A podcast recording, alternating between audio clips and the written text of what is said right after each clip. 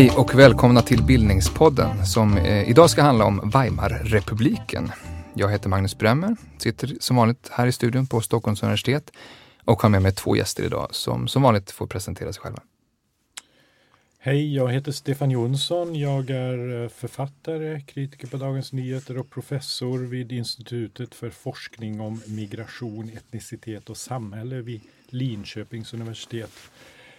Jag är litteraturvetare i grunden och har skrivit två böcker om eh, mellankrigstidens tyska och österrikiska kultur, politik och litteratur. Jag heter Aris Fioretos och jag är författare bland annat till två romaner som båda utspelar sig på 20-talet och framförallt i Berlin. Jag är dessutom professor i estetik vid Södertörns högskola och har under årens lopp översatt en hel del 20-talslitteratur eller den sortens texter som tillkommer i skarven mellan litteratur och eh, filosofi. Bland annat den eh, oöverträffade slagfärdige och på alla sätt och vis fantastiskt rolige dadaisten Walter Serner som gav ut en bok som heter Handbok för svindlare och sådana som önskar bli det. Fick vi lite försmak av vad vi kan komma att prata om också under timmen som följer här. Varmt välkommen till Bildningspodden. Mm, tack. Stefan, ska du börja på 30 sekunder? Vad var Weimarrepubliken? Eh, Weimarrepubliken var en, eh, ett samhälle som existerade mellan 1919 och 1933, tror jag, fram till den 28 januari 33 egentligen. Eh, Tyskland förlorade oväntat eh, för sig själv första världskriget. Eh, det blev revolution hösten 1918 samtidigt som kriget slutade. Eh, det politiska läget stod och vägde. Skulle det bli som i Moskva och i Ryssland eller skulle det bli på något annat sätt så att eh, de gamla eh, militären skulle ta över? Det blev en kompromiss. Denna kompromiss kallas, kodifierades i, i en demokratisk konstitution som skrevs under i Weimar. Eh, man avskaffade kejsarväldet, man införde republik, man införde demokrati och allmän rösträtt. Eh, och i 14 år så experimenterade man och försökte få ett demokratiskt samhälle att fungera. Och man experimenterade åt alla möjliga olika håll och det fanns ingen konsensus om vad den här demokratin skulle innebära. Och slutdatumet då? Slutdatumet eh, sätts ju då när eh, eh, Hitler ges makten eh, av eh, presidenten efter stora valframgångar för nazisterna. Och, och när Hitler har fått makten så eh, använder han den eh, till att avskaffa demokratin. Och det sker i samband med den så kallade riksdagsbranden i månadsskiftet januari februari eller om det är februari-mars 1933 som Hitler tar som förevändning för att eh, arrestera alla kommunister och vänstermän i, i riksdagen och sedermera också utlysa ett val som, där man helt enkelt avskaffar mm. demokratin. Man kan säga att, att Weimarrepubliken är ett annat namn på Tyskland under den här perioden. Ja. Och namnet kommer av att republiken bildas i staden Weimar. Just det. Då har vi fått de delarna på plats. Om du, Aris, vill du uh, ungefär lika kortfattat uh, säga vad som så att säga, var mest utmärkande för samhällsklimatet, ja, kulturlivet kan, i, under de här åren i Tyskland? Ja, man kan undra varför utropas staden i, eller staten i Weimar. Mm. Uh, det har sina uh, förklaringar. Berlin var, hade ju varit den naturliga platsen. Berlin var rikets huvudstad, men alltför oroligt och eh, politikerna tordes helt enkelt inte genomföra eh, denna reform utav samhället. Och det var upplopp och Upplopp och mycket annat. Eh, och eh, det var ju delar utav det nuvarande Tyskland, eller det, egentligen det dåvarande Tyskland men som eh, fortfarande var ockuperade. Mm. Landet hade förlorat en sjundedel, kanske rent av en sjättedel av sitt forna territorium under kriget. Det var oroligheter på, på många håll och kanter och Berlin ansågs inte tillräckligt tillförlitligt. Mm. Och alltså utlokaliserades i grund och botten konstituerandet av den nya staten till den lilla um, staden var... Weimar. Och skälet till att det blev Weimar, det är särskilt viktigt tror jag. Mm. Weimar var nämligen en påminnelse om det goda Tyskland. Weimar var uh, klassicismens uh, vagga. Det var där Goethe och Schiller hade fört in landet, uh, eller kulturen, i uh, upplysningstiden. Och med andra ord stod Weimar för allt det som den nya staten önskade bli, men mm. ännu inte var. Eh, så av alla dessa skäl och några till så, så var Weimar väldigt viktigt som, som en symbolgest. Blev det så? Ja, man kan diskutera det. Eh, ett begrepp som ibland i tysk eh, forskning brukar användas för den här perioden är att det är nervositetens tidsålder. Mm. Och Vad jag tror att, man Ja, man menar mycket. Man menar att det, oron egentligen präglade sam, samtliga dimensioner utav samhället, inte bara politiskt eller ideologiskt. Oron fanns också kulturellt, socialt, eh, rent av eh, psykologiskt. Eh, om man betänker det faktum att detta är år när eh, landet måste återuppbyggas. Landet måste samtidigt också uh, föras in i moderniteten. De nya medierna och de nya teknologiska landvinningarna överallt påverkar av människors uh, sätt att leva på. Uh, den arbetsdagen inrutas. Taylorismen tvingar på människorna ett förhållningssätt till, till hur man arbetar och hur man delar in sin tid under dygnets 24 tillgängliga timmar. Allt detta gjorde människor till delvis till nya subjekt. Uh, och, menar du då? Ja, subjekt i dubbel bemärkelse. Uh, man fick en viss självständighet. Mm.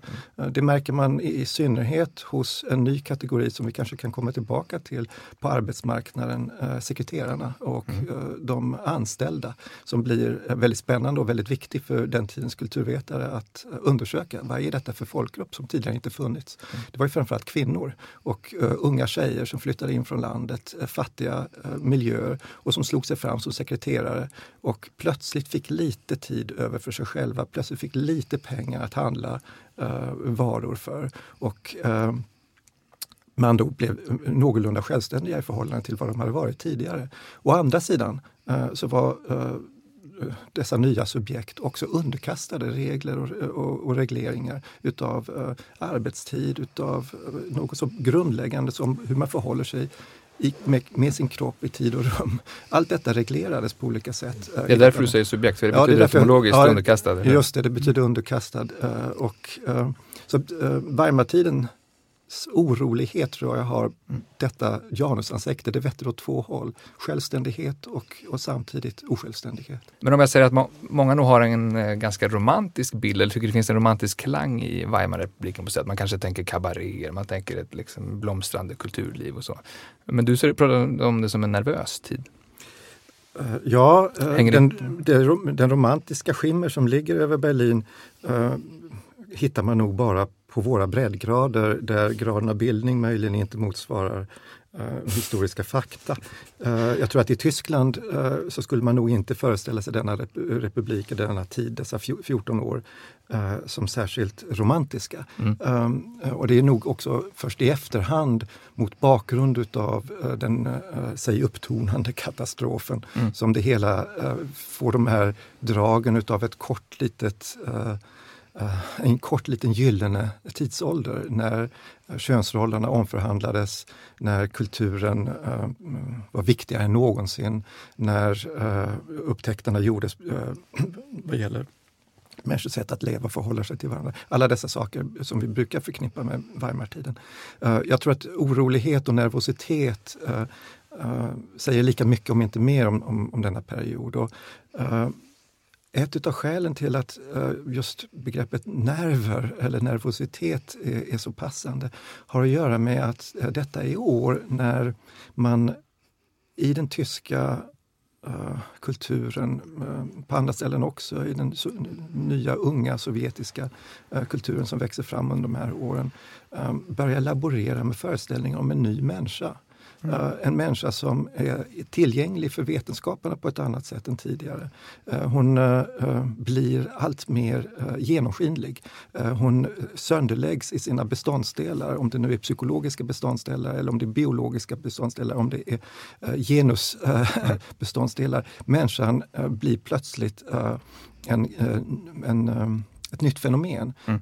och det gör eh, den här eh, eh, epoken förstås väldigt spännande men den gör den inte romantisk. För med, med romantik så, så, menar man oftast, och jag tror att, att det, det, det, är där man tänker fel, uh, att det har, uh, att begreppet om människan är, är uh, någorlunda fixerat. Vi vet vem vi talar om och hon eller han ska möjligen självförverkliga sig men, men inte mycket mer. Eh, det är en harmonisk eh, för, eh, förståelse av mänsklig samvaro som inte riktigt motsvarar den bild av Weimarrepubliken man får ifall man går till källorna. Mm. Men man kan konstatera som du säger, det är en demokratisk, radikal, tolerant på många sätt period i Tysklands historia. Åtminstone ett försök till detta. Ett försök till ja. det som sen, sedan avlöses då av liksom, den moderna historiens värsta ja. regimer. Man måste komma ihåg vad, vad, Tyskland hade varit strax innan. Mm. Tyskland var ju, eh, enades ju inte förrän 1871 och uh, den nya uh, vi skulle kalla det en delstat idag. På den tiden var det bara en stat som, som spelade den eh, absolut största rollen var ju Preussen. Mm. En militärstat eh, där administrationen och militären i grund och botten var synonyma kategorier. Mm. Och eh, där kejsarens ord var det absolut enda giltiga. Med andra ord, där auktoritetstron var, var oundgänglig och eh, där pliktuppfyllelsen var allt eh, hos eh, dessa subjekt då, som var mm. underkastade kejsaren. Och hela denna kultur som var allt annat än demokratisk, mycket nationellt sinnad, eh, det var ju den som Maivam-republiken eh, försökte göra upp med och mm. försökte mjuka upp på alla håll och kanter. Eh, och de gamla makteliterna överlevde dock och det, mm. det, det är möjligen ett av skälen till att Weimarrepubliken inte lyckades. Nej, hur, hur ska man förstå den där försöket till ett öppet demokratiskt samhälle som avlöses av, av nazismen? Hur, hur hänger det ihop? Nej, men en sak som man, eh, som precis som Ari säger, så är ju det här, alltså hade Tyskland inte lidit ett sådant totalt nederlag i eh, första världskriget, utan man hoppades ju ända fram till hösten 1918 på en så kallad, eh, på en fred i eh, segerns tecken, att man mm. skulle få så att säga kunna men sedan så, miss, så gjorde de allierade en offensiv och bröt igenom tyska fronten på eh, den tyska västfronten under hösten 1918 så att man fick kapitulera helt och hållet. Mm. Uh, och man tvingade, uh, tvingade uh, kejsaren att avgå och det be bekräftades av Socialdemokraterna. Men innan dess, alltså långt ända, och hade inte krigsslutet blivit sådant, då, hade ju, då fanns det ju planer på just det här, ett, en fortsättning på det gamla auktoritära kejsarstyret med eh, framförallt militären i eh, första rummet. Så som, det är nederlaget som, som öppnar för det här? Men... Ja, nederlaget öppnar definitivt för det här. Och eh, sen den följande revolutionen eh, i Tyskland som, som då löper från hösten november 18 till någon gång så maj, juni 1919. Så att, eh, så att det där tvingar tillbaka junkrarna, militären och och eh, så vidare. Men de, de återuppstår ju ganska snabbt när eh, först när man ska slå ner de eh, så kallade rådsrepublikerna mm. som då upprättas runt om i Tyskland 1918-19 i många olika städer. Massa olika republiker? Kortlivade försök till mm. socialistiska eh, små republiker eller små sovjeter. Eh, här de, har vi en källa till alla dessa uppror och konflikter. Ja, alltså det, det, det, där skapades då av revolutionen. Det skapades även kortvarig sådan i Berlin, men den framförallt den mest berömda är ju den som finns i München därför att det var mm. så många författare och eh, kända intellektuella involverade i den. Mm. Eh, så den lever ju då mellan november fram till april 1900, november 18, eh, april 1919. Men den här rörelsen, alltså de här röda socialistiska revolutionen, den slås ju då ner av eh, de gamla, den gamla man ska säga, eh, högern och eh, den auktoritära sidan i, den, i det tyska samhället som bildar så kallade frikårer och diverse medborgarmiliser mm. som sen ligger hela tiden som en våldsfaktor i eh, hela det tyska 20-talet. Och som Hitler är ju liksom hela tiden, och, alltså den nazistiska rörelsen är ju, har ju sin grund där. Och det är den som sedan växer. Uh, det vill inte, men, men det viktiga här då är också att se till att man inte tänker sig att det här... Och där finns en debatt i historien eh, som handlar om, var det förutbestämt då att Hitler skulle ta makten och att den här högern och den auktoritära sidan skulle återta kommandot i Tyskland? Eh, eller var Weimarperioden så att säga en tid som hade många olika framtider och som kunde ha utvecklats mm. på väldigt många olika sätt. Eh, och där eh, menar väl de flesta som har studerat det här nu att det var en, ett experimentellt stadium eh, där det fanns väldigt många olika riktningar att gå i. Mm. Och där eh, det avgörande var hur de politiska ledarna agerade i särskilt slutet av 1920-talet och början av 1930-talet. Men så man kan säga att det är en, det är en period av politiska spänningar? Politiska spänningar men också en, en, en, en extrem, vad ska säga, politisk och ideologisk öppenhet. Mm. Mm. Eh, och en vilja, precis som Ari säger också, att experimentera med, inte bara med politikens så att säga, traditionella former som vi föreställer oss dem, utan också med idéer just om en ny människa och nya subjektsformer, mm. nya organisationsformer eh, som vi fortfarande skulle kunna återvända till för att få inspiration mm. till en förnyelse av politiken. Men hänger det ihop med, med det blomstrande kulturlivet som man ändå kan konstatera? Vi, har, vi kan komma in på massa referenser lite senare här. Men... Vad hänger ihop med det Alltså med, med det, det, det, politiska klimatet och uh, öpp, öppenhet kontra ja, politiska spänningar. Uh, jag vill bara tillägga till det Stefan säger. Uh, jag, jag, håller med om, om denna skildring utav denna epok man måste betänka att när kriget tog slut så skedde det genom att uh, två socialdemokrater undertecknade avtalet med uh, de allierade. Och detta togs som förevändning utav högern, den extrema nationellt sinnade högern, att säga att politiken hade förrått oss militäriskt har tyskarna aldrig förlorat. Mm. Och det är den så kallade dolkstötslegenden. Mm. Eh, det här är Versaillesfreden du talar om? Ja, just det. Mm. Och uh, detta är den så kallade dolkstötslegenden och som gjorde att högern under hela 20-talet uh, odlade sin egen myt om sin egen oövervinnlighet. Mm. Och den kunde Hitler ganska enkelt ansluta till och mobilisera dessa krafter på den yttersta högerkanten. Till det kommer att uh, landet naturligtvis inte bara gick på knäna utan i grund och botten låg platt på marken efter, efter krigsslutet. Och alla dessa soldater återvände hem. Tyskland hade förlorat uh, all rätt till att ha en militär. Man fick ha 100 000 soldater tror jag. Flygvapnet uh, fick man inte längre behålla. Uh, men männen återvände i mångt och mycket med vapen i handen och lämnade aldrig ifrån sig dessa vapen. Så trots att landet hade förlorat kriget så var det militariserat. Mm. Beväpnat. Det gjorde högern, eller den extrema högern, den oreformerbara högern, den som inte ville på något sätt och till något pris eh, demokratiseras, till en ständig hotande faktor. Eh, det var inte bara så att den var ideologiskt mobiliserbar, den, var, den hade vapen. Mm. Och eh, detta skapade förstås en stor oro eh, i, i samhället. Och, eh, när det gäller, gäller din fråga huruvida ett, och hur det kommer sig att ett kulturliv kan bli så nästan exempellöst rikt som det var under några år, framförallt i Berlin. Visst, det fanns andra orter och ställen i den tyskspråkiga världen som var delvis var viktiga. En, en sån plats under ett par år, men framförallt uh, mot slutet av första världskriget och, och strax efter, var Zürich. Mm. Men i grund och botten talar vi om Berlin när man talar om... Kan du ge ett exempel? Eh, på personer eller Kultur, på, på kulturen? Ja, kulturell blomstring? Ja, betänk det faktum att fram till, till slutet av första världskriget så tror jag att Tyskland hade haft 23 nobelpristagare, däribland Röntgen till exempel, eh, Konrad Röntgen och Robert Koch, den stora immunologen. Med andra ord, det fanns en existerande akademisk kultur på väldigt hög intellektuell nivå i Tyskland. Ville man eh, bli någonting eh, som intellektuell i offentligheten så fanns det i grund och botten bara två adresser i, i Tyskland. Det ena var, var, Berlin och det andra var Frankfurt.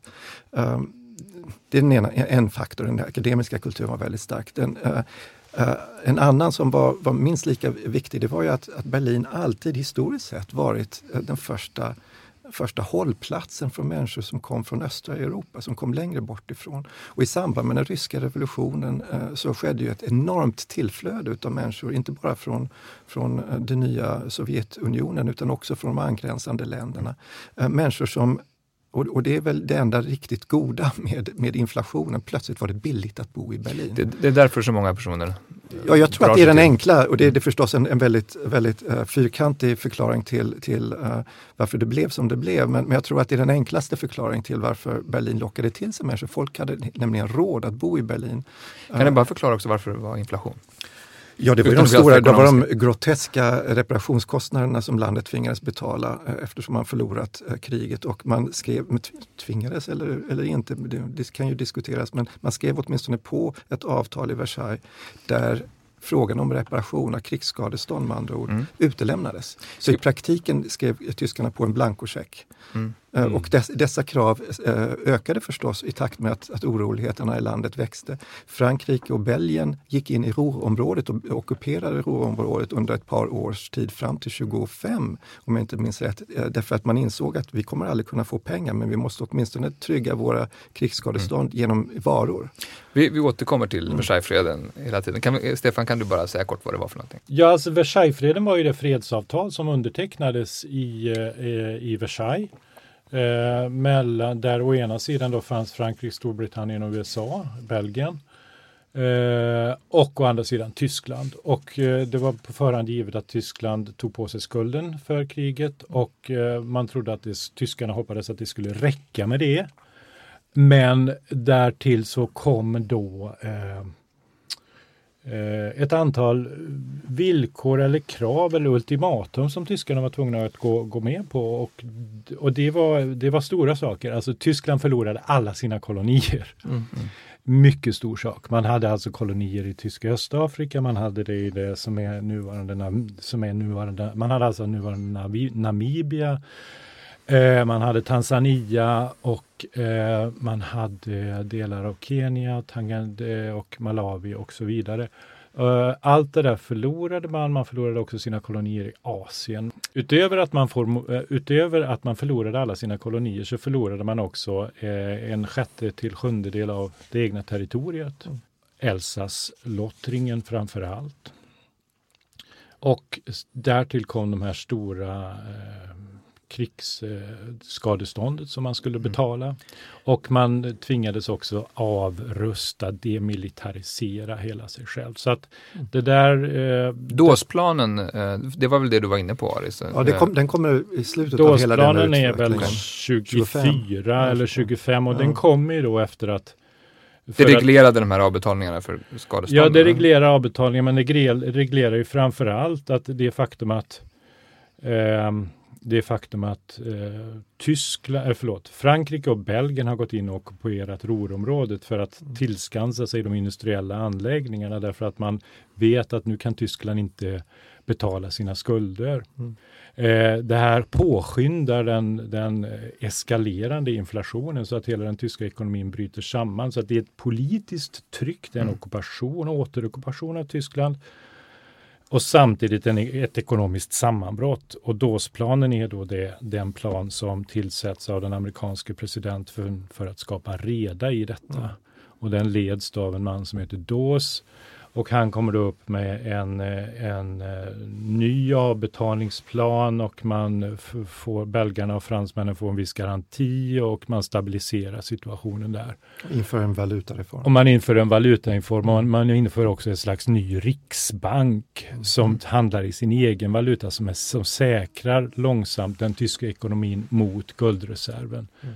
Därför att vad Tyskland hade gjort då, det var, det var inte bara så att man hade inflation på grund av krigsskadeståndet utan Tyskland hade också bekostat kriget genom att tillåta eh, inflation, genom att ställa eh, ut obligationer och värdepapper på framtida säkerheter, alltså säkerheter som skulle infrias efter krigsslutet som man sålde, men också att helt enkelt låta sedelpressarna gå. Det var så mm. man finansierade kriget. Mm. Och den där... Man har ju sett de här bilderna med, med skottkärror fulla av, av sedlar. Ja, och, och det kommer ju den sedan 1923, men, men politi inflationspolitiken bedrivs ända fram till 1923 för mm. att också bekosta uppbyggnaden av Tyskland efteråt. Men, men det, det går ju inte eftersom man, valutan är knuten till guldet och dessutom så kan man inte exportera och importera på normala villkor på grund av eh, de här eh, kraven i Versaillesfördraget. Men om man tar eh, Alltså Versaillesfreden nämns ju ofta när man också i, i, i, relation till andra världskriget som förklaringsmodell, Hitler och, och nazismens mm. framväxt. Eh,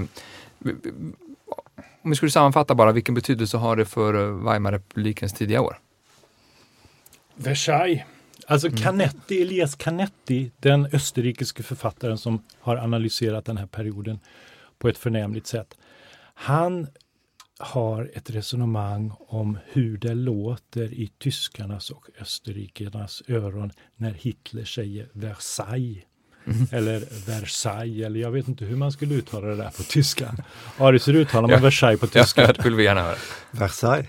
Versailles. Så att när Hitler säger det ordet, då är det omedelbart mobiliserande, säger Canetti. Och Canetti, mm. hade, alltså Canetti är då en av Weimartidens eh, främsta intellektuella och författare och sedan Nobelpristagare. Han sitter i Wien och skriver men han observerar och har kontakter med, med, med, med Tyskland. Och, och Canetti förklarar det där. Vad betyder Versaillesfördraget? Jo, det hör alla tyskar när Hitler säger mm. detta ord. Att det är laddat med både en sån känsla av att vara förödmjukad mm. och att ta revansch, till och med hämnd. Mm. Eh, så det, och genom en kort analys av hur Hitler säger det här ordet så sammanfattar Canetti hela, tror jag, Versaillesfördragets psykologiska inverkan på eh, det tyska folket. Så att det, det, det var Versaillesfördraget och den så kallade dolkstötslegenden. Det var de två mobiliserande, vad ska man säga, faktorerna för den tyska högern. Och det mm. ena var riktigt och rimligt och det var Versailles, hänvisningarna till Versailles. Dolkstötslegenden var ju en fiktion. Den, den hade ingen verklighetsgrund mm. egentligen. Det var ett påhitt av högern mm. för att det, det var alltså inte Socialdemokraterna som svek eh, landet utan kejsaren hade redan gått med på att kapitulera. Mm. Konspirationsteori. Ja. Mm. Det, det, tidigt där i Weimarrepublikens historia så är det ju en del eh, politiska mord. Eh, Rosa Luxemburg, socialisten och en mm. liberal politiker, eh, Walter Rathenau. Mm. Eh, exempelvis. Det är en väldigt, det är en väldigt ehm, tumultartad period. Vad, mm. Kan ni säga någonting om det? Det, det, det här är ju ultranationalistiska höger uh, attentat, vad ska man säga? Du vet det säkert bättre än jag Stefan, men jag har läst någonstans att uh, under de här åren så mördades nästan 400 mm. människor uh, just i denna form av, av uh, terrorverksamhet egentligen. Mm. Uh, politiska motståndare som togs av daga. Mm. symbolfigurer som i fallet mm. med, med Rathenau eller Luxemburg Liebknecht. Um, och Också på högen fanns det ju liknande mord, men de var ju oftast på oansenliga, oviktiga, alltså politiskt oviktiga personer som först efteråt glorifierades och byggdes upp till tidiga martyrer i den uh, nationalsocialistiska rörelsens historia. Mm. Ett sånt gott exempel, eller gott exempel det är det inte, men ett sådant tydligt exempel är Horst Wessel. Mm. Uh, ja, det var en, en, uh, en, soldat som hade återvänt efter kriget och inte lyckats få fotfäste i samhället. en skränig slagskämpe och han stacks ned Eh, Eh, på en bar eh, vid Fischer Insel och eh, dog ganska snart därpå och hyllades som en av de första tyska eller nationalsocialistiska socialistiska martyrerna. Man skrev till och med en sång till mm. hans ära som sen mm. sjöngs vid högtidliga tillfällen under, under Tredje riket. Så det, det, det är mord åt höger och vänster kan man säga? Ja, det är det, men, men i synnerhet naturligtvis är det, är det ultrahögern eller extremhögern som tar livet av folk på vänsterkanten. Mm. Eller li, bara liberalsinnade. Kan man säga, de, de tar livet av, eh, nej men det är helt sant, det, det, det finns ingen symmetri här alltså i, i, vänster och högerextremism som vi, vi eh, brukar tänka på det idag så att säga. våldsbejakande extremism. Det fanns förvisso på båda kanter, men det var högern, det var eh, fascisterna eh, och alltså de, de, de grupperingar som Hitler klev fram ur som, som bedrev det här systematiskt. Alltså politiska mord mm. Av olika slag. Och det drabbar, och Rathenau är naturligtvis 1922 tror jag. Ja. Han är ju den som är då den stora, han var utrikesminister. Mm. Och, stor eh, och han var en stor liberal, han mm. stod för någon slags försoning, eller inte försoning, men, men för en förnuftig liksom mm. eh, diplomati gentemot eh, för att skapa någon slags eh, ny balans i Europa. Och han, han eh, mördades alltså i Berlin då av, eh, av högermilis, av högerextremister. Han var dessutom jude. Han var jude. Och homosexuell. Det var ett antisemitiskt, ja. ett, ett antisemitiskt mm. politiskt mord. Det är helt, mm. För det var, det var ett uttalat motiv. Alltså, han mm. var ju jude och därför var han en landsförrädare. Mm. Och det var ju samma med Luxemburg och mm. Liebknecht som mm. mördades då januari 1919 under den så kallade Spartacus-revolutionen som... Mm. Eh, Säg något kort om den. Ja, alltså den var ju en del av den tyska revolutionen och Spartakusförbundet var en ytterligt liten eh, del i, i den tyska revolutionen. Så att den var inte, alltså Spartakusförbundet var ju egentligen ganska betydelselöst eh, om man ser till hela den, den tyska kommunismen och socialismen. Det var en liten intellektuell minoritet där i Berlin just. Så att, eh, men det fick en väldig symbolverkan därför att det var just Luxemburg och Liebknecht som var centrala i arbetarrörelsen, eh, ledare i den, eh, att de mördades på ett sådant brutalt sätt. Mm. Kan man säga, är, är, det vid någon punkt där det börjar stabiliseras? Mm. Har det med republikens bildande och, och, Jag tror att stabil, stabiliteten, i den mån man kan tala om en sådan, den infinner sig nog inte förrän i, i samband med dåsplanen och eh, valutareformen, eh, inflationen som mm. upphör eh, 25. Och eh, under några års tid, fram till 28-29, eh, så härskar någon form av, av eh, samhällelig balans. Mm. och de traditionella partierna har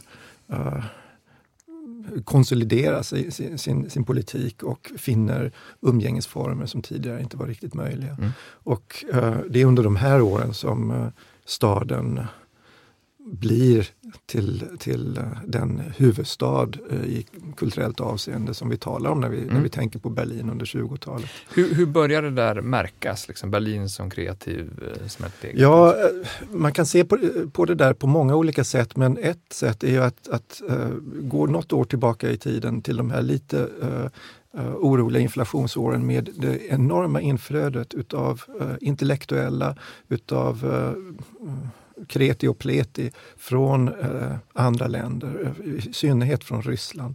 Berlin hade på början av 20-talet upp till en miljon ryssar. Och eh, det fanns ju stadsdelar eh, som inte, som enligt många, man inte hörde tyska på gatorna längre. Mm. Charlottengrad mm. kallades ju Charlottenburg, alltså Berlins nuvarande Östermalm om man så vill, på grund av alla sina ryssar. Jag tror jag 47 dagstidningar bara på ryska. Mm. Och, så att det fanns olika kulturer och delar av dessa kulturer, just i ryssarnas fall, så var det särskilt prominent, men deltog förstås i den, i den, i den uh, majoritära kulturen. Mm. Men man höll sig också, eftersom man var så pass många, uh, ganska mycket för sig själva. En, en, så, en århundrade författare som Vladimir Nabokov som bodde i, i, Tyskland under de här åren, i Berlin under de här åren. Han påstod att han, han aldrig lärde sig tyska, uh, därför det behövdes inte i Berlin. Uh, huruvida det där verkligen är sant, det kan man diskutera. Men, men, men, på ett liknande sätt är det med många andra från, från de uh, östeuropeiska länderna som kom till Berlin under de här åren med uh, stor uh, intellektuella uh, ambitioner och kulturella ambitioner. Och Berlin hade ju varit en magnet redan tidigare, mm. så det var inte så att man började från noll. Uh, men under de här åren då så är det så många olika faktorer som spelar in. en viktig faktor är att Tysklands mediecentrum låg i Berlin. Det var där de stora tidningarna eh, befann sig. Var man intresserad som intellektuell att uh, träda in i offentligheten, få en röst, uh, så var man tvungen nästan att vara i Berlin. Frankfurt är väl det stora undantaget. Man kunde också sitta där, det fanns en stor tidning. Men uh, det var där medierna höll hus. Det var där universiteten fanns och den intellektuella eliten. Det var där på nästan varje kulturellt område människor fick för sig att nu måste uh, människans tillvaro revolutioneras. Mm. Tänk bara på Erwin Piscator, den store, store regissören, som menade att, att teatern har spelat ut sin, sin betydelse om den inte griper in i människors verklighet och uh, sökte nya sätt att uh, gestalta teater på. Uh, participatorisk teater, där man var mm. ute på gatorna och agerade i, i, små trupper, mm. där den fjärde väggen Eh, eliminerades och eh, teaterrummet expanderade ut i, i salongen där man använde en mängd olika tekniska landvinningar, filmprojektorer och liknande. Saker som vi egentligen förknippar med vår tid. Mm. Allt detta äh, ägnade sig Piscator åt under några väldigt heta och intensiva år i Berlin och skrev pamfletter, satte upp teaterstycken för att motverka um, um, abortförbudet mm. eller, eller andra liknande uh, grundlagar. Men vi tar några sådana där mm, väldigt kända exempel. Bertolt Brecht, Kurt Weils Tolkningens mm. opera till exempel. Vi mm. har den expressionistiska konsten, um, arkitekturskolan Bauhaus, mm. Fritz Langs filmer. Uh, man kan ta kritisk filosofi, Frankfurtskolan, väl, som man kan väl ändå baka in där. Alltså finns det någon gemensam nämnare mellan några av de här exemplen? Alltså som, är, som kan säga någonting om Weimarkulturen? Så det finns ju en, en stark eh, gemensam nämnare som, är, som består i, i det politiskt historiska läget som den här republiken befinner sig i, det här samhället. Och, och det är alltså ett samhälle där, som inte riktigt har någon eh, självförståelse. Hur menar du?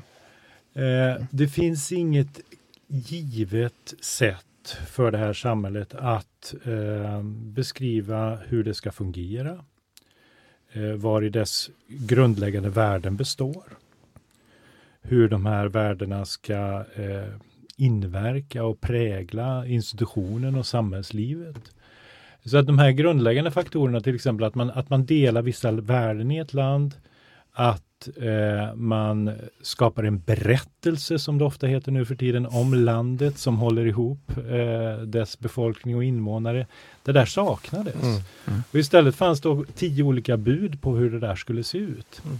Och det där är ju då... Så bristen som, på gemensam nämnare är gemensam ja, nämnare? Ja, det, det, det, är precis det, det, det är väldigt väl uttryckt alltså. Det är för bristen på gemensam nämnare ger ju eh, i synnerhet då ordens och bildens och liksom tänkandets män och kvinnor ett, ett otroligt betydelsefullt uppdrag. Och jag tror att de flesta som agerade som författare, konstnärer, teatermänniskor, eh, tänkare, intellektuella, journalister i Weimarrepubliken, de förstod mm. det här. Alltså mm. de, de, de fattade det här och de, de såg också liksom krisen bakom hörnet som, som kom eller låg på lut hela tiden mm. och hoten därifrån. Så att de agerade i någon slags eh, i, och, och det här är väl då ytterligare ett exempel på det som man då skulle eh, kalla den Bergmartidens nervositet. Mm. Va? Så det är den gemensamma nämnaren som jag ser det. Och, det. och det handlar väldigt mycket om att ge, ge kropp, berättelse, eh, värde, någon slags enhet och form åt, åt samhället. Och det mm. betyder också att man skulle ge det åt demokratin därför att eh, demokratin var ju då vad, vad som var nytt. Mm att folket skulle vara med, att de så kallade massorna skulle vara med. Eh, att det här var ett land som inte skulle styras uppifrån av kejsaren och, och adeln och militären. Mm. Vad innebär det här? Mm. Det präglar, eh, alltså det, det, det, är en slags underton i väldigt mycket av det här. Sen, sen är det naturligtvis togs det där i, i, väldigt många olika riktningar. Och så sen ytterligare en sak som du får fortsätta prata om mm. Marit, och det är ju det är precis det du började med och det är ju alltså populärkulturen, ja. urbaniseringen, den mm. enorma expansionen av nya medier och mm. konstnärliga mm. former. Och sådär. Man ser det nästan tydligast i, i den uh, kulturella revolution som startade i Weimar faktiskt 1919-1920 men sen snart flyttade därför att Weimar visade sig vara alldeles för för konservativt och eh, traditionellt, nämligen Bauhaus, mm. som flyttade till Precis. Dessau och som slutade i Berlin. Säg något kort om Bauhaus. Ja, eh, det var en skola, eh, mm. en industridesignskola som startades av Walter Gropius och nära vänner till honom. Och där förutsatsen, föresatsen var den att den traditionella skillnaden mellan konst och hantverk skulle upphävas. Uh, inte så att det ena skulle försvinna till, på bekostnad av det andra utan man skulle finna sätt att, att visa på deras ömsesidiga beroende av varandra. Uh, allt i syfte att uh, i grund och botten skapa en ny och dräglig verklighet åt människor. En ny och dräglig vardag som, som man byggde om, eller man föreställer sig att, att den, den, traditionella hierarki som sker, eh, eh, råder på en skola mellan lärare och elever, den skulle omformuleras och begripas snarare som det gamla skråväsendet, med andra ord, där, där uh, lärlingen är en framtida mästare. Eh, så att relationen är, betydligt mer eh, ömsesidig och, och balanserad redan från början. Man lär upp sina framtida kollegor.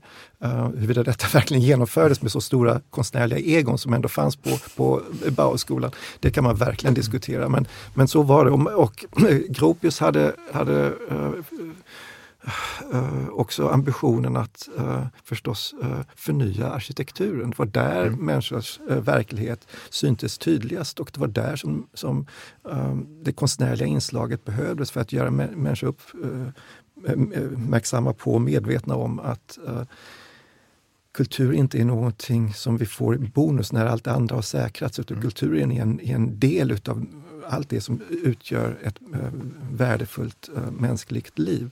Och då avvek man eh, mycket medvetet och konsekvent från hela den gamla konstuppfattningen. den som byggde på, i arkitekturens fall, på vissa material och deras eh, egenskaper eh, och som skapade väldigt hierarkiska byggnader, eh, som skapade eh, eh, en föreställning om att, att det sköna tillkom senare som ett slags ornament. Bauhaus hade turen att vara mer eller mindre jämnårigt med de nya materialens inträde på den arkitektoniska arenan. Med andra ord stål och, och cement och glas. Material som inte längre följde de gamla materialens uh, rörelser. trä till exempel kunde man bara göra vissa saker med, sten kunde man bara göra vissa saker med. När man byggde. Och plötsligt kunde du forma materialet på ett helt annat sätt. Detta upptäckte Bauhaus och lanserade i grund och botten principer som var, om man nu ser så här i efterhand och, och helt anakronistiskt på saken kan tyckas ganska svenska. Mm. Uh, ja, formen skulle följa funktionen. Mm. Det var alltid bättre med mindre än mer. Mm. Alltså less is more-principen var tidigt omhuldad av, av Bauhaus. Man skulle också redovisa varje elements betydelse i um, en byggnad. Så att mm. skruvar och handtag och liknande skulle inte vara dolda. Principerna för hur man uh, satte fast ett handtag skulle inte vara dold för, för, för brukaren, mm. eller för, vad säger man, för användaren. Det funkis? En sorts mm. uh, tidig funkis. Man fanns uh, liknande tendenser förstås i Sverige några år senare, eller i Sovjetunionen på sitt sätt. Och, detta präglade alltså hållningen överhuvudtaget till, till kulturen på Bauhaus. Men hur politisk var, var litteraturen och konsten i, under Weimaråren? Ja, alltså, eh, det, denna, denna frånvaro av gemensam nämnare som ni båda har pekat på och, och som i grund och botten är, är, är skälet till maläsen uh, socialt och politiskt i, i Weimarrepubliken men samtidigt också kanske ett av skälen till att det är en så pass estetiskt spännande period. Eh, detta faktum eh, skapar spänningar och det, det, skapar behov av att profilera sig estetiskt, eh, ideologiskt, intellektuellt. Så att den allmänna diskussionen var inte bara högljudd utan väldigt differentierad. Och det är, tror jag, alltid bra för, för mm. kultur. Ju rikare differentiering desto bättre. Med andra ord, det rådde under Weimarrepubliken vad man skulle kunna kalla för komplexitetstolerans. Mm. Och, eh, och, och, det tror jag är ett av skälen till att, att det var så häpnadsväckande uh, rikt. Ett annat är också, tror jag, inträdet i, i den eh, sanktionerade kulturen av en ny eh, eller ny och ny, men, men förhållandevis ny grupp människor, nämligen den borgerliga judenheten. Eller de, de som kom från borgerliga judiska hem eh, och som hade haft eh, en generation på sig att eh, stabilisera sig socialt. Eh, dessa oftast unga män, visade sig hänsynslöst begåvade. Uh, till dem måste man räkna inte bara de stora namnen, uh, Theodor Adorno eller Sigfrid Krakau och Walter Benjamin. Är det tänkare? Kan säga. Det är tänkare, mm. men det är människor som, som i fallet Krakau och också Adorno Eh, väldigt tydligt inte längre intresserade av att upprätthålla de gamla hierarkierna. Det finns inte en fin kultur och en, mm. en populär kultur. Utan plötsligt Viktigt att tänka inom film och fotografi. Kanske. Ja, uh, plötsligt så säger populärkulturen mycket mer om samhället mm. än vad finkulturen kan göra i analyser utav Krakauer. Han kan ägna flera sidor åt att studera tuggummits betydelse och hur man snabbast och billigast amerikaniserar sig själv. Nämligen genom att stoppa ett Wrigley Spear spearmint i munnen och så tugga precis som pistongerna i, i industrin i Amerika och liknande. Fina analyser och, och det för in en annan kritisk skärpa eh, i diskussionen. Och eh, detta är också och, och, och viktigt att komma ihåg för eh, en demokratis, en, en, fungerande demokratis del. Eh, dagstidningarnas glansperiod mm. i Tyskland. Eh, man skrev fyllde sida på sida i, i de stora dagstidningarna och uh, skapade sina egna röster och sina egna, egna mm. profiler. Du, du Stefan är intresserad för, för masskultur och massans roll kanske? Vad, ja, alltså, vad säger du om det? Ja, men det är ju helt riktigt att det här är um, det här är massans eh, tidsålder. Eh, i, men, men å andra sidan är det banalt att säga så för att eh, massan, eh, med det menar man egentligen eh, folk vilka som helst. Alltså mm. att, det inte tidigare, att det inte som tidigare bara är eliterna som ska styra. Eh, det är alltså demokratins tid i Tyskland och det är demokratins första tid i mm. Tyskland. Eh, och det är demokratins eh, experimentella tid. Mm. Eh, den misslyckas den här demokratin eh, visar sig inte vara riktigt så pass eh, säga, hållfast som, som den hade behövt vara. Eh, det är den ena sidan, den politiska sidan av det här med massan. Och sen är det, är det, eh, det, är det folkliga deltagandet i eh, kulturen och i storstadens eh, liv på ett helt annat sätt. Och det möjliggörs av de nya medierna, av filmen, av pressen, av eh, fotografiet och så vidare. Det finns hur många som är egentligen eh, fina exempel på, på det där som, som helst. Eh, och eh, det som och, och, det här förändrar liksom förhållandet mellan den gamla borgerliga högkulturen och den akademiska kulturen och en annan kultur som kommer då eh, nerifrån eller hur man nu vill uttrycka det från folket, till och med från arbetarna. Mm. Vi får ett läge i, Be i Berlin och Weimar och i den här Weimarrepubliken som består av flera olika överlappande offentligheter skulle man kunna mm. säga. Mm som inte kan, som inte kan formera sig till en solid eh, säga, borgerlig offentlighet som det hade tidigare mm. funnits. Utan det, det, finns en socialistisk offentlighet, en mm. socialdemokratisk, det finns en kommunistisk, det finns en högerfascistisk, det finns en liberal, det finns en akademisk och så vidare. Och de här går lite in och ut, alltså vissa, mm. många av, av medlemmarna i det går in och ut ur de här olika och det, det skapar en enorm vitalitet på det konstnärliga och kulturella fältet. Mm. Eh, det gör det. Man kan väl säga att kabarémiljön är på sätt och vis uh, symboliserar den här Ja, men då måste man komma ihåg att Christer Isherwood Vi måste jag kan bara säga att musik, musikalen och filmen Cabaret bygger på en bok av Christopher Isherwood eh, som heter Farväl till Berlin. Och som, ja. En brittisk eh, utspelar, författare ja. som skrev eh, noveller och samlade dem efter det att han lämnat Berlin. Mm. För det, här, det här utspelar sig tidigt 30-tal men boken är från 39. Ja, uh, egentligen 20-tal. Och, uh, okay. så att, till boken hör också detta förklarande retroaktiva skimmer. Mm. Han ser tillbaka på en lyckotid i sitt eget liv. Men uh, man ska då komma ihåg att han bodde på ett uh, institut för sexualforskning i Tiergarten som sköttes och leddes utav en uh, tysk jude, eh, homosexuell och socialdemokrat som heter Magnus Hirschfeldt. Och eh, där det såg allt annat ut, eh, än, än, så ut som, som det gör i Isherwoods böcker. Hirschfeldt, Vad gjorde han där? Ja, Hirschfeldt är den tyska sexualforskningens fader får man väl säga. Men så det här gjorde Christopher Isherwoods bild av sexualpolitiska klimatet radikalare än vad det egentligen var? Ja, han bodde där och i utbyte mot att få fri kost och logi så, så var han tvungen att arbeta lite grann i biblioteket. Mm. Eh, så att detta, eh, detta ställe var också en, ett ställe dit man kunde komma ifall man hade kommit lite grann på sniskan i samhället. Mm. Kvinnor som inte hade råd att betala för sina aborter, de fick städa under en månads tid och skickades sedan hem. Och så. När vi sitter här nu tre män och talar om det här så måste vi också då säga någonting om Die neue Frau, mm. Mm. den, den, nya, nya kvinnan. kvinnan. Eh, därför att det här är ju också ett av de, man säga, ett av de stora temana i eh, Weimarkulturen och Weimarpolitiken. Eh, det betyder att det skapas många nya yrkesroller för kvinnor. Det betyder att de får en eh, mer omedelbar plats utanför hemmet.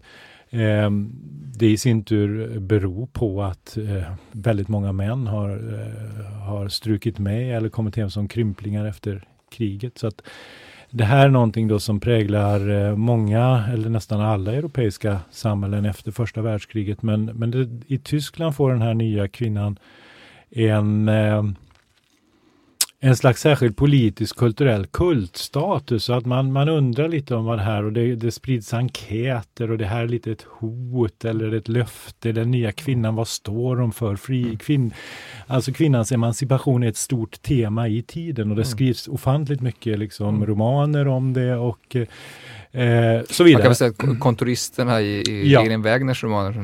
Elin Wägner, Elin Wägner är ju det svenska exemplet, mm. alltså en, parallell, en svensk parallell till, till detta naturligtvis. Och eh, det där är ju eh, jätteviktigt därför att det, sen när man sen tittar på de kanoniserade eh, kulturpersonligheterna, författarna och mm. konstnärerna från Weimartiden, då, då är det lite svårt att hitta de här kvinnorna. Men de, de, de, de finns alltså där hela tiden, men de har inte kanoniserats i samma grad mm. av eftervärlden. Mm. Men när vi, när vi talar om den nya kvinnan så, så talar vi om en växande borgerlighet. Mm.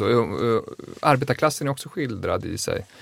Dublins eh, Berlin Alexanderplatz, Hans Fallada. Alltså. Mm. Ehm, hur har arbetarklassen det under de här åren? Alltså den nya kvinnan är ju lika hög grad, vad ska säga, det är ju ett, ett, eh, ett fenomen som går i, i både vad ska säga, borgerligheten och men framförallt är det ju, det är ju ett proletärt fenomen också. Alltså den mm. kvinnliga fabriks, fabriks mm. den kvinnliga fabriksarbetaren och liksom när vi talar sekreterare och så vidare. Och så att det är, det är ju absolut ingen borgerlighet eh, i den meningen som tyskarna på den tiden skulle lägga i det ordet utan mm. det, det, det, det det här var eh, lägre tjänstemän Man kan säga att arbetare. klassamhället lite mer skiktat ja. under de här åren. Så. Men, ja, definitivt. Nej, men eh, eh, ja, eh, proletariatet. Hur mår proletariatet i Weimar? Ju, alltså det problemet, en av de, det här är en stor fråga för eh, Weimarrepubliken i dess helhet och ett av skälen till att eh, man inte lyckades eh, motarbeta eh, Hitler och nazismen. Det går tillbaka till eh, revolutionen 1918-1919 där det tidigt, som i många revolutionära skeden, nästan alla, uppstår en splittring inom arbetarklassen. Där eh, kommunisterna vill efterlikna eh, eller skapa någonting, kanske inte efterlikna, men de vill skapa någonting självständigt i stil med det som har skett i, i Sovjetunionen eh, mm. året innan. Mm. Eh, det vill säga att man har tagit makten i oktoberrevolutionen 1917, det gjorde man i Moskva och i Tyskland så sker en liknande revolution då 1918-1919. Eh, och kommunisterna där, de är självklart liksom tittar på vad som har skett där och hur gör man där. Och en del vill det, andra vill eh, inte göra det utan man vill ha kvar parlamentarismen. Eh, och man, som man just har så att säga, ja man har den egentligen inte än, men man, man vill ha ett system med ett, ett, ett flera olika partier och så vidare. Så att, och sen när Socialdemokraterna vinner över kommunisterna i den striden så att man får så att säga, flertalet i det nya parlamentet. Då använder Socialdemokraterna sitt inflytande och sin makt därför att man sitter på ministerposterna i början, de första åren, till att ge ett slags godkännande åt militären men också åt de här frikårerna och den fascistiska milisen att gå in på de ställen och i de städer där kommunisterna fortfarande har makten våren 1919 och slå ner dem där med stor brutalitet. Och sen den dagen, eller sen den, sen den våren och vintern 1919, då har inte, vad ska säga, eh, den radikala socialistiska eller kommunistiska vänstern kommit överens med socialdemokratin i Tyskland. Och det har aldrig funnits en möjlighet så att säga att överbrygga den där klyftan. Och sen har det där ytterligare spätts på efter andra världskriget om vi går fram mot nutid mm. eh, i historien med DDR, va? Där, där, där kommunisterna då fick sitt, sin stat efter andra världskriget. Eh, men där den västtyska vänstern var helt annorlunda. Så där uppstod ytterligare en, en, en misstro mellan det där. Men vad gäller Weimarrepublikens eh, vidkommande så gör den där splittringen mellan socialdemokrater och eh, den socialistiskt eh, kommunistiska delen av vänstern. Eh, de kan aldrig samarbeta efter mm. eh, det sveket som kommunisterna uppfattade att Socialdemokraterna hade gjort när man gav högern eh, öppen dörr att gå in och mm. så att säga slå ner de där eh, republikerna som fanns då. Och det här är då, det, det, det är också en sån där intressant stråk i Weimarrepubliken. Sebastian Haffner, eh, skriftställare och författare, han skrev en brönbok som heter Den förrådda republiken. Mm. Mm. Och hans tes är ju den då att Weimarrepubliken hade kunnat gå åt ett helt annat och mycket mer mot en annan och mycket mer gynnsam framtid om Socialdemokraterna inte hade förrått de här unga liksom, försöken till experiment eh, som skedde då i München, Berlin, Frankfurt och på väldigt många olika städer. Eh, och då hade man också kunnat mota bort högern och då hade Hitler, Hitler aldrig kommit till makten. Um, så, att, så står det till med proletariatet, att det är kluvet och att det förblir kluvet hela vägen. Mm. Kommunisterna har 20 procent av väljarna ungefär. Socialdemokraterna har mellan 20 och 30 procent av väljarna också. De har ett flertal, de har aldrig någon absolut majoritet i riksdagen, två tillsammans. Eh, men, men, de kan aldrig, men de har ett flertal, de skulle kunna samarbeta, men, men de kan inte det på grund av de här, de här historiska skälen.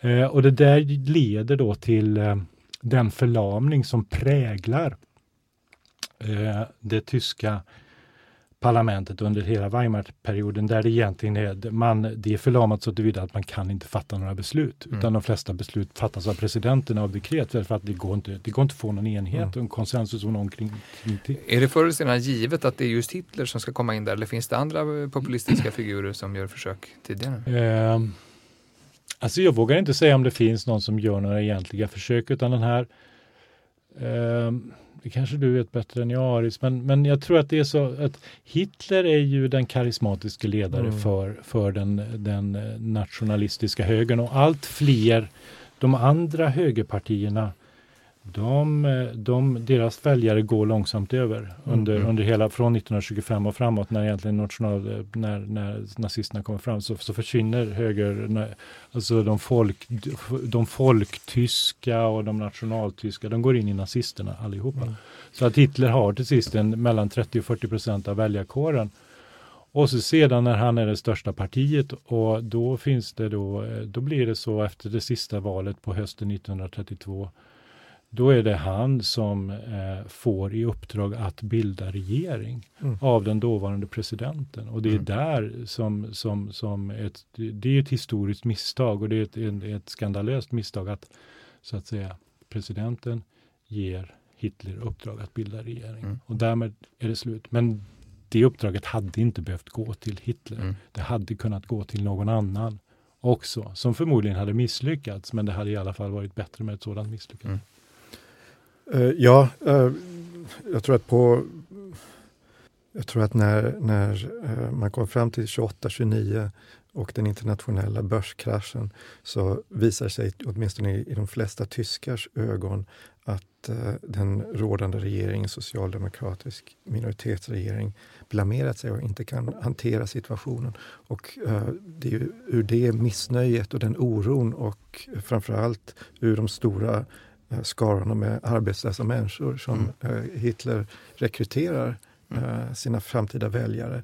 Och eh, kommunisterna är starka. Telemann är inte, inte någon beskedlig figur och får eh, ökade mandat i de sista mm. valen. Men det räcker inte. och jag tror att den mobiliseringen som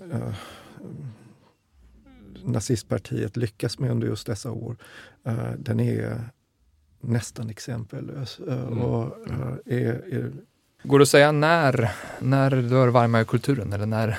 Kulturellt sett så tror jag att den dör uh, om den, uh, den tynar av 29-30. Ja, det skulle man nog kunna uh, säga. Många av de ja. tongivande personerna är redan med en fot ut ur landet uh, mm. ja. beger sig någon annanstans. Varför? ja, man märker att klimatet har hårdnat. Mm. Det blir allt mer polisiärt. Och den frihet, bohemiska inte minst frihet som hade funnits. Censuren sätter ju in paradoxalt nog också därför att man när läget är så pass polariserat som det mm. blir mellan eh, nationalism och kommunism på ytterkanterna, då eh, de som bevakar yttrandefrihet och ser till att allmän ordning upprätthålls, de, de blir mer och mer benägna att förbjuda liksom, mm. saker och mm. ting.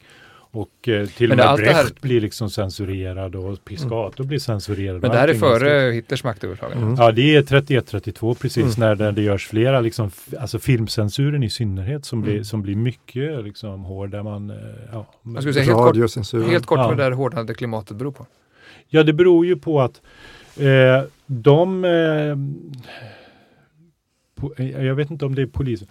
Det, det, här beror på att de som är, eh, har i uppdrag att säkerställa eh, allmän ordning och eh, sedlighet i samhället, eh, det vill säga borgmästare, eh, åklagare, polis, de eh, inser att eh, film, radio, bilder är sprängstoff politiskt och så vidare som polariserar landet så att mm. de blir mer och mer benägna att, eh, att, att, att censurera. Mm.